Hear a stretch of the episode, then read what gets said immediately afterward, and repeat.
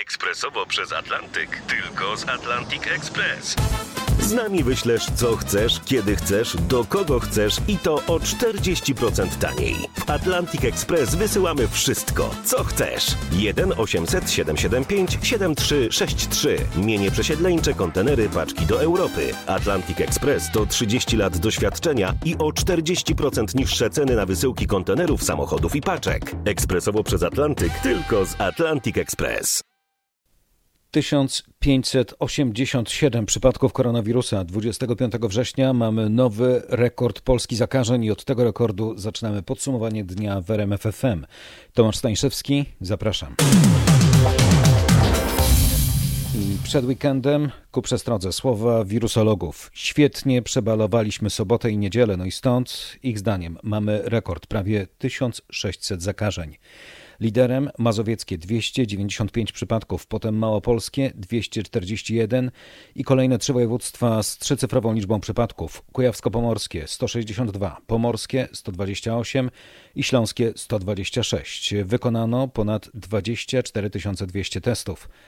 Niestety, Ministerstwo Zdrowia poinformowało też o śmierci kolejnych 23 zakażonych w wieku od 44 do 94 lat. Przypominam, w środę 974 zakażenia, w czwartek 1136 i dziś 1587 nowych potwierdzonych przypadków. Oby to był tylko chwilowy skok. Tak ten rekord komentuje w rozmowie z RMFFM były konsultant krajowy w dziedzinie zdrowia publicznego profesor Bolesław Samoliński. Według pana ta liczba będzie rosła? Najbliższe dni to mogą być 2000? O, gdyby tak było, to byłoby fatalnie, bo to by oznaczało, że tak zwana liczba R, czyli ta, która pokazuje nam, ile jedna osoba potrafi zarażać, nam się zwiększa, a to e, mogłoby w postępie geometrycznym spowodować e, wzrost zachorowań na masową skalę. Z profesorem Bolesławem Samolińskim rozmawiał nasz reporter Michał Dobrołowicz. To jest ostatni moment na to, by ta część społeczeństwa, która twierdzi, że pandemii nie ma, zastosowała się do trzech podstawowych, prostych zasad: dystans, dezynfekcja, maseczka.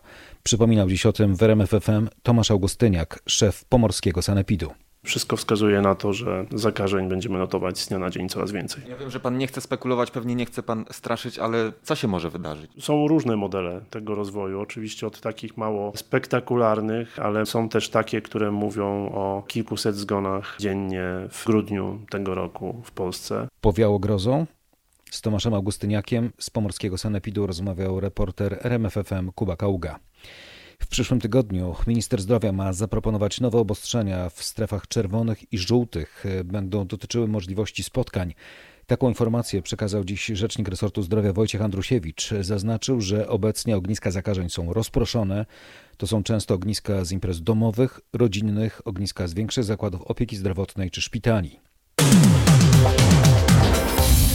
Pandemia nie jest w odwrocie, ale jest pod kontrolą w naszym kraju. Tak mówił dziś o tym rekordowym wzroście zakażeń koronawirusem prezydent Andrzej Duda podczas briefingu prasowego w Watykanie, gdzie przypominam, prezydent przebywa w związku z pierwszą wizytą zagraniczną w nowej kadencji. Pandemia nie jest w odwrocie, ale pandemia jest pod kontrolą w naszym kraju. Podkreślam to od samego początku. Nie brakuje ani łóżek w szpitalach, ani nie brakuje respiratorów jest odpowiedni zapas na to przygotowany, natomiast nie ma co się, nie ma co kryć, proszę Państwa. Ja rozmawiałem z y, głównym inspektorem sanitarnym, jestem z nim w stałym kontakcie. Jakiś czas temu mówił mi, że właśnie w tym okresie, koniec y, września, druga jego połowa y, i do połowy października, spodziewają się wzrostu liczby zakażeń ze względu na powrót z wakacji, ze względu na to, że ludzie się spotykają, w związku z tym teraz częściej, że wrócili do pracy, że ruszył rok szkolny, a więc ruszyła nauka w szkołach. To były procesy, które, które były nieuchronne, dlatego że faktem jest, że pandemia koronawirusa jest, ale mówiłem o tym także w czasie moich dzisiejszych rozmów tutaj w Watykanie, że nam udało się stosunkowo bardzo nad tą pandemią zapanować. Nie było ani jednej sytuacji rzeczywiście jakiegoś dużego kryzysu. Nigdy w Polsce nie brakło łóżek w szpitalach, nikomu nigdy nie brakło respiratora, a generalnie ludzie przechodzą tego koronawirusa stosunkowo łagodnie, więc trzeba bardzo uważać, zwłaszcza osoby w podeszłym wieku, które mają te tak zwane choroby współistniejące. Trzeba o takie osoby bardzo dbać, trzeba te osoby wspierać. Natomiast y, no, no jest wzrost zachorowań, ale powtarzam jeszcze raz, cały czas panujemy nad, nad, nad tą pandemią. Nie ma dzisiaj żadnego zagrożenia jakimś wybuchem. Jest po prostu wzrost, który był przewidywany i prawdopodobnie możemy się spodziewać, że do połowy października mogą być jeszcze wzrosty. Tak mnie informowano. Spodziewamy się od połowy października wypłaszczenia. Dziękuję bardzo. Dziękuję bardzo. Andrzej Duda, podkreślam, jest pierwszym prezydentem przyjętym przez papieża Franciszka od początku pandemii, odkąd w marcu również w Watykanie wprowadzono restrykcje sanitarne i tzw. lockdown w związku z koronawirusem. Miałem niezwykle miłe i wzruszające spotkanie z Ojcem Świętym. Rozmawialiśmy o sytuacji w Polsce, rozmawialiśmy o pandemii koronawirusa. Ojciec Święty podziękował mi za to, że pamiętaliśmy w tych trudnych czasach także i o innych społeczeństwach, o innych narodach, za pomoc, którą udzieliliśmy Włochom, za pomoc, która przyszła tutaj do Watykanu, ale także za tą pomoc, która poszła do państw Partnerstwa Wschodniego z Polski, do państw Bałkanów Zachodnich. Powiedziałem, że w trudnych czasach powinniśmy być razem, powinniśmy pokazywać solidarność i że jest dla mnie wielką satysfakcją, że, że nasze państwo, że my, Polacy, tą solidarność w tych trudnych czasach związanych z pandemią pokazaliśmy. Rozmawiałem z Ojcem Świętym także i o przyszłych wydarzeniach, o tym wszystkim, czego się spodziewamy. Rozmawiałem z Ojcem Świętym o sytuacji e, na świecie. No, mamy nadzieję, że pandemia koronawirusa jak najszybciej minie. Nadzieja kontra fakty. Włochy odnotowały dziś rekordową od zakończenia narodowej kwarantanny liczbę 1912 nowych zakażeń koronawirusem. Wczoraj to 1780 nowych przypadków. Dobowa liczba wykonywanych testów we Włoszech także pozostaje na rekordowym poziomie ponad 107 tysięcy. Raczej nie porównujmy tych danych z naszymi nieco ponad 24 tysiącami. Teraz w podsumowaniu dnia koncentrujemy się na porozumieniu kończącym podziemne protesty w kopalniach. Powołany przez działające na Śląsku związki zawodowe Międzyzwiązkowy Komitet Protestacyjno-Strajkowy i delegacja rządowa podpisały dziś porozumienie w sprawie zasad i tempa transformacji górnictwa. I tak ostatnia kopalnia węgla kamiennego w Polsce ma zakończyć wydobycie za 19 lat. O szczegółach porozumienia, o tym, co ustalono dziś w Katowicach, Anna Kropaczek. W porozumieniu jest data zakończenia wydobycia węgla. Ustalono, że stanie się to w 2049 roku. Wtedy ostatnia kopalnia zakończy fedrowanie. Ustalono także harmonogram, kiedy i który zakład będzie likwidowany. Wiadomo, że pierwszy zlikwidowany będzie ruch pokój kopalni Ruda w Rudzie Śląskiej. Ma się to stać w przyszłym roku. Dominik Kolosz, przewodniczący Śląsko-Dąbrowskiej Solidarności, mówił, że to dobre porozumienie, choć zakłada likwidację ważnej, bardzo ważnej branży przemysłowej w Polsce. No to oddajmy głos szefowi Śląsko-Dąbrowskiej Solidarności Dominikowi Kolorzowi. Można powiedzieć tak, osiągnęliśmy maksymalne warunki bezpieczeństwa dla pracowników kopalń, którzy na tych kopalniach pracują. Osiągnęliśmy maksymalne możliwości funkcjonowania tych kopalń. Tutaj od razu uprzedzając Państwa pytania, e, ostatnia kopalnia przestanie wydobywać w roku 2049. Osiągnęliśmy też e, te elementy, o które chodziło nam podczas poprzednich rund negocjacji, czyli kwestia związana z polityką energetyczną państwa. E, Dokument też ten w związku z dzisiejszym porozumieniem nie jest dokumentem zamkniętym. On będzie zawierał wszystkie elementy uzgodnień dalszych prac naszych już w zespołach roboczych, gdzie będziemy musieli podpisać takie jeszcze większe porozumienie społeczne pomiędzy stroną rządową, stroną społeczną, samorządowcami. E, I to porozumienie będzie takim elementem ostatecznym, żeby to wszystko, co myśmy dzisiaj uzgodnili, znalazło się na obradach, takiego użyję słowa, Komisji Europejskiej, bo to wszystko, co dzisiaj uzgodniliśmy, musi notyfikować Komisja Europejska. E, Tak jak mówiłem wcześniej, generalnie ten program e, jest wzorowany na modelu niemieckim. Mówiąc w skrócie, zdecydowaliśmy się na to, że górnictwo węgla kamiennego do tego 2049 roku ma być subsydiowane. To między innymi pozwoli na to, żeby energetyka funkcjonowała po niższych kosztach, żeby nie było drastycznych podwyżek cen energii i pozwoli na takie bardzo długofalowe, realistyczne e, dojście e, do celów transformacji energetycznej. Z mojej strony to na razie tyle. Dziękuję. To głos oficjalny na konferencji z wiceministrem aktywów państwowych, pełnomocnikiem rządu do spraw transformacji spółek energetycznych i górnictwa Arturem Soboniem. A co Kolosz e, mówił już mniej oficjalnie w rozmowie z naszym reporterem Marcinem Buczkiem. Co pan powie ludziom? Panie redaktorze, powiem ludziom, że zrobiliśmy dla nich maksymalnie to, co mogliśmy zrobić, e, że nikt z nich nie straci pracy, że dopracują do emerytury na kopalniach. I też muszę powiedzieć ludziom, że moje zadania i pewnie już moich następców będzie takie, żeby dzieci górników, którzy dzisiaj e, pracują na kopalniach, miały miejsce pracy. I to jest w tej chwili dla nas być może nawet ważniejszy element niż ten, który podpisaliśmy dzisiaj. Porozumienie kończy trwający od poniedziałku podziemny protest w kopalniach Polskiej Grupy Górniczej. Nie kończy jednak problemów tej spółki. Co o porozumieniu mówi Jarosław Wieczorek, śląski wojewoda? To nowy czas dla tego województwa? Wydaje się, że jest to dość mocno przełomowa e, chwila dla regionu. Natomiast z dużym optymizmem po tych ciężkich czterech dniach rozmów będziemy patrzeć w przyszłość, bo e, to jest ogromna również szansa dla nas. To jest e, renta historyczna, z której możemy skorzystać. Dla mnie to jest pogrzeb. Nie wyobrażałem sobie tego, że tak skończy, tak jak powiedział Dominik, jedna z największych branż w Polsce. To już Bogusław Hutek, szef Górniczej Solidarności. A co mają do powiedzenia sami górnicy o roku, w którym ostatnia kopalnia przestanie w Polsce wydobywać węgiel? Tych z kopalni Wujek w Katowicach pytała o to Anna Kropaczek. 2049 to jest ten koniec górnictwa. Kiedyś musi nastąpić, no nic nie zrobimy. Przykro jest każdemu.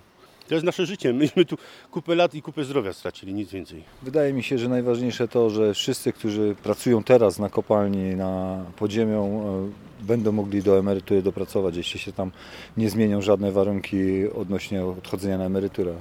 Przypominam, zgodnie z porozumieniem kopalnia tych górników, czyli katowicki wujek, w przyszłym roku zostanie połączona z kopalnią Staszic. Pierwsza do likwidacji także w przyszłym roku będzie kopalnia Pokój w Rudzie Śląskiej. A co oznacza to dla tego miasta liczącego 134 tysiące mieszkańców?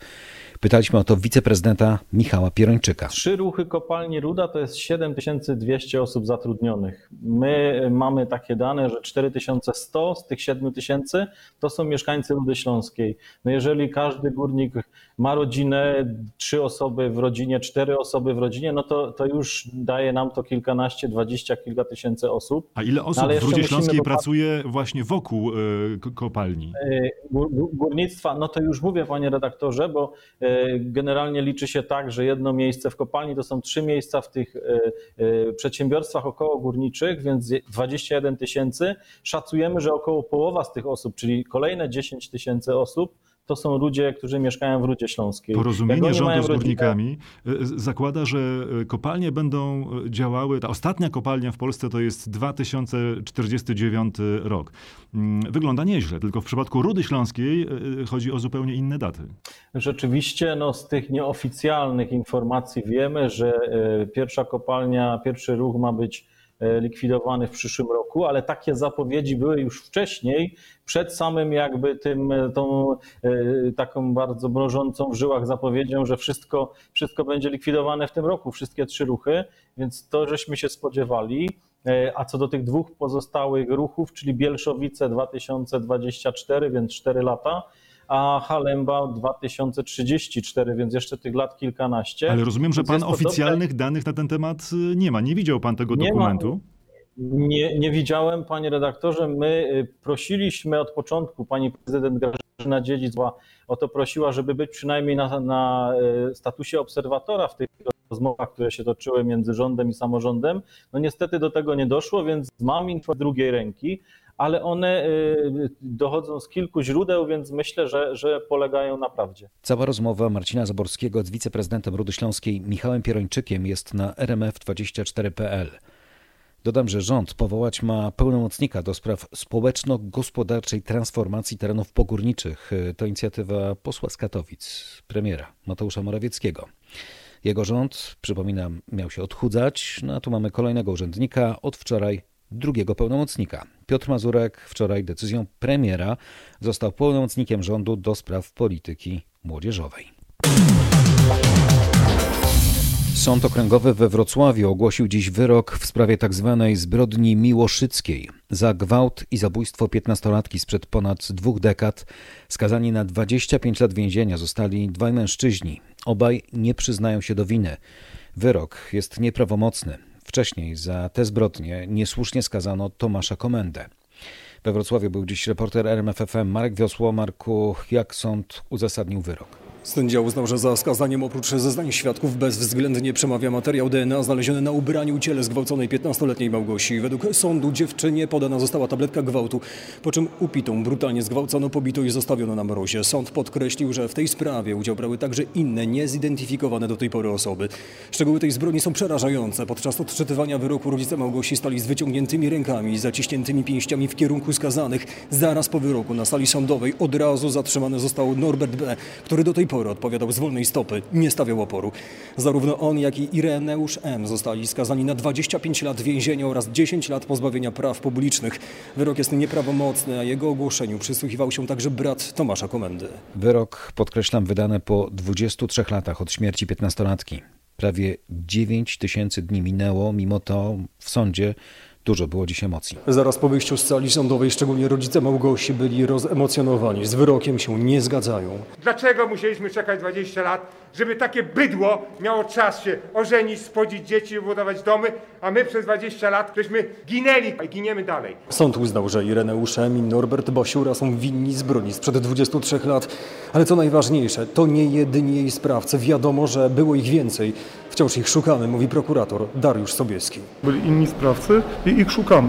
Jeżeli są osoby, które posiadają wiedzę na temat tego zdarzenia, to proszę by się zgłosiły do prokuratury krajowej we Wrocławiu. Wyrokowi przysłuchiwał się także brat Tomasza Komendy, Krzysztof. Jak twierdzi, ważne, że wreszcie udało się kogoś w tej sprawie skazać. W końcu się stało to, co miało stać dawno. Brat jest niewinny, osoby winne teraz siedzą. Ja przypomnę, że na sali sądowej zaraz po ogłoszeniu wyroku doszło do aresztowania Norberta Basiury, który do tej pory odpowiadał z wolnej stopy. Tomasz Komenda za kratami spędził ponad 18 lat swojego życia. Został skazany za zbrodnie, które nie popełnił. W maju 2018 roku został uniewinniony przez Sąd Najwyższy. Teraz w podsumowaniu dnia alarm samorządowców. Rok 2022 może być krytyczny dla finansów miast. Dlatego prezydenci zrzeszeni w Unii Metropolii Polskich zaapelowali dziś w Białymstoku do rządu o jasne rozwiązania systemowe dotyczące finansów samorządów. Prezydent Lublina Krzysztof Żuk zwraca uwagę, że jeżeli w najbliższych latach nie będzie rekompensaty za utracone dochody, to samorządy będą musiały ograniczać wydatki w pierwszej kolejności te na inwestycje, a następnie na wydatki bieżące. Nasze miasta zrzeszone w Unii Metropolii, czyli te największe miasta w Polsce, utraciły czy utracą w tym roku, tak jak szacujemy, blisko 2 miliardy złotych dochodów, a jednocześnie nasze inwestycje e, są zaplanowane na ponad miliard złotych. Jak teraz e, dbać o rozwój naszych miast w sytuacji, kiedy e, reforma podatku PIT, e, wprowadzana reforma podatku CIT i inne zmiany ustawowe odbierają nam dochody. Więc my mówimy dzisiaj rządowi, że chcemy rozmawiać o zmianach systemowych, ale też i podejmować działania w, z kalendarzem, który sobie uzgodnimy. Pierwszą szybką decyzją a, to jest zawieszenie reguły wydatkowej, która mówi o koniecznym zrównoważeniu dochodów bieżących i wydatków bieżących. Rząd tę regułę ma zawieszoną odnośnie budżetu państwa.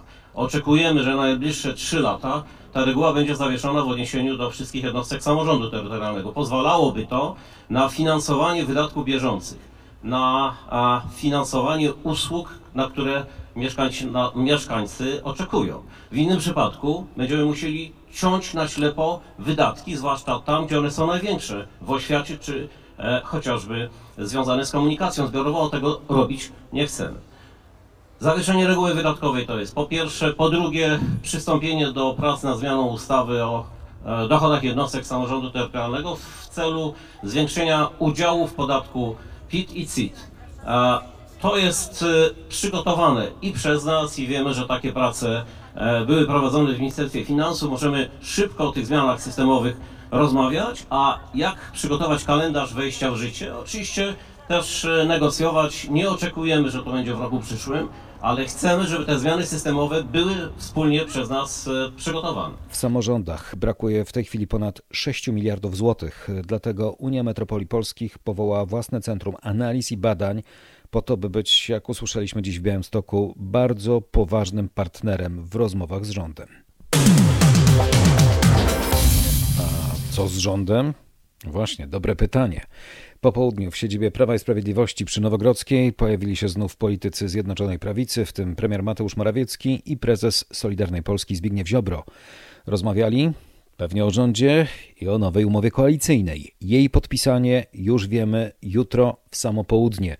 Mamy więc polityczny western, czy osamotniony szeryf polskiej polityki Jarosław Kaczyński wygrał kolejny pojedynek o jedność Zjednoczonej Prawicy i sam wejdzie do rządu? A terror-stricken town left him to face four killers, single-handed, at high noon.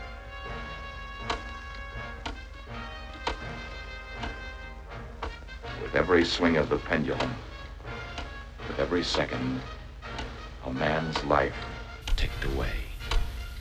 Never have so few moments held such excitement. Miller! Strasznie dłużył się ten filmowy trailer westernu w samo południe. Kto będzie jutro szeryfem Willem Kane'em? Kto będzie czarnym charakterem Frankiem Millerem? Może pojawi się tajemnicza Emmy?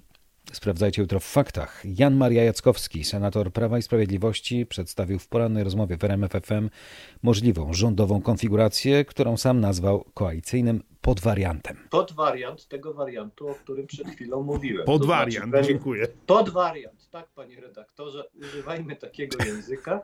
Y, podwariant polegający na tym, że faktycznie pan premier Kaczyński wchodzi do rządu, będzie nadzorował bardzo ważne resorty związane z bezpieczeństwem państwa i z wymiarem sprawiedliwości.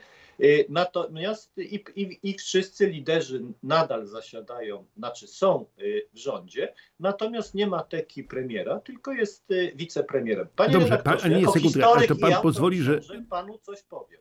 Mogę? Tak, zaryzykujmy to. Powiem tak, pamięta pan okres międzywojenny i marszałka Józefa Piłsudskiego. Jak przez mgłę. Tu robić analogii historyczne ale były momenty, kiedy był ministrem w rządzie, mimo że był, no, nazwijmy to, liderem całego obozu politycznego, niekwestionowanym, a czasami był premierem. I taka konstrukcja w drugiej ja wiem, połowie ja to, ja to wszystko wiem, wie pan. Funkcjonowała. W, właśnie przeprowadziłem rozmowę, a panie, panie senatorze, ja, ja to rozumiem. Nie jest pan jedyny, który to mówi. Leszek Miller powiedział, że gdyby Jarosław Kaczyński został wiceministrem rolnictwa, to byłoby to najważniejsze stanowisko w Polsce. I można sobie z tego kpić, ale pytam poważnie, to jak musiało być źle w rządzie, skoro Kaczyński musi do niego wchodzić? E, per analogiam, pan ma sześcioro dzieci, sześć córek. Jak? One się czasem kłóciły, jak mnie mam, ale zostawiał pan to im do załatwienia i tylko w sytuacjach ekstremalnych wkraczał, prawda? Panie redaktorze, y, mówimy o polityce, a, a, sprawy związane z rodziną to jest naprawdę bardzo Nie, to jest bardzo, to jest ba... ja, bym, ja bym wyłączył tutaj, ale oczywiście... Ja rozumiem, że pan się boi góry od córek, ale normalny rodzic, dobrze, to porozmawiajmy o innych rodzicach, nie o panu. Normalny rodzic wkracza wtedy, kiedy już naprawdę dzieciaki nie mogą się same dogadać. E, czy tak źle było już? Czy ta bitwa już była na noże? Czy oni cię chcieli po prostu zamordować? Że musiał przyjść do tego rządu Jarosław Kaczyński i powiedział, chłopaki, dobrze, ale się odsuńcie troszkę od siebie. Panie redaktorze, odpowiem w ten sposób. Proszę zauważyć, że w piątek były komunikaty, i to z y, ust prominentnych polityków Prawa i Sprawiedliwości, że koalicji nie ma. Polityczna zabawa koalicjantów e, trwa już tydzień. Dziś tej koalicji jakby trochę więcej i jeszcze scenariusz z Jarosławem Kaczyńskim, jak marszałkiem Józefem Piłsudskim. Cała rozmowa Robert Mazurek, Jan Maria Jackowski na filmie na rmf24.pl. Do posłuchania i do zobaczenia. Polityka, jak piłka nożna, jest grą zespołową. Jeden zawodnik nie zawsze jest w stanie być gwarancją zwycięstwa. Najlepiej wiedzą o tym piłkarze Bayernu Monachium. Triumfator Ligi Mistrzów, grając zespołowo, sięgnął po kolejne trofeum Super Puchar UEFA. Pokonał w Budapeszcie najlepszą w Lidze Europy Sewillę 2 do 1 po dogrywce. Robert Lewandowski asystował przy pierwszym golu Leona Gorecki, ale zwycięstwo dla Bayernu przypieczętował w 104 minucie meczu Javi Martinez.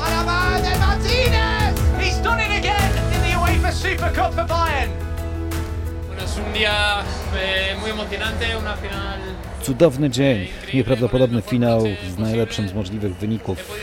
Byłem w stanie zdobyć gola w dogrywce dokładnie tak jak w finale 8 lat temu. Szczerze, nie mam słów, by opisać to, co teraz czuję. Tak mówił po meczu Mr. Super Cup, jak nazwali go wczoraj Monachijczycy. Bo 8 lat temu Bayern grał z Chelsea, no i Martinez także trafił w dogrywce. Monachijczycy wygrali dopiero po karnych. A wczoraj Hiszpan na boisku pojawił się 5 minut przed strzeleniem bramki i to w drugim kontakcie z piłką. Być może Martinez rozegrał ostatni mecz w barwach Bawarczyków, bo coraz głośniej mówi się o jego powrocie do Atletiku Bilbao. Robert Lewandowski Pełny mecz na boisku, ale dziś Niemcy już zapomnieli o jego asyście. Der Spiegel dotarł do dokumentów, z których ma wynikać, że Polak mógł dokonać antydatowania umowy dotyczącej praw reklamowych. Dzięki temu zabiegowi miałby uniknąć zapłaty milionowych podatków. A w tle spór Lewandowskiego z jego byłym agentem Cezarem Kucharskim. Ten spór coraz bardziej intryguje niemieckie media. A to było podsumowanie dnia w RMF FM. Tomasz Stańszewski, dziękuję. Do usłyszenia.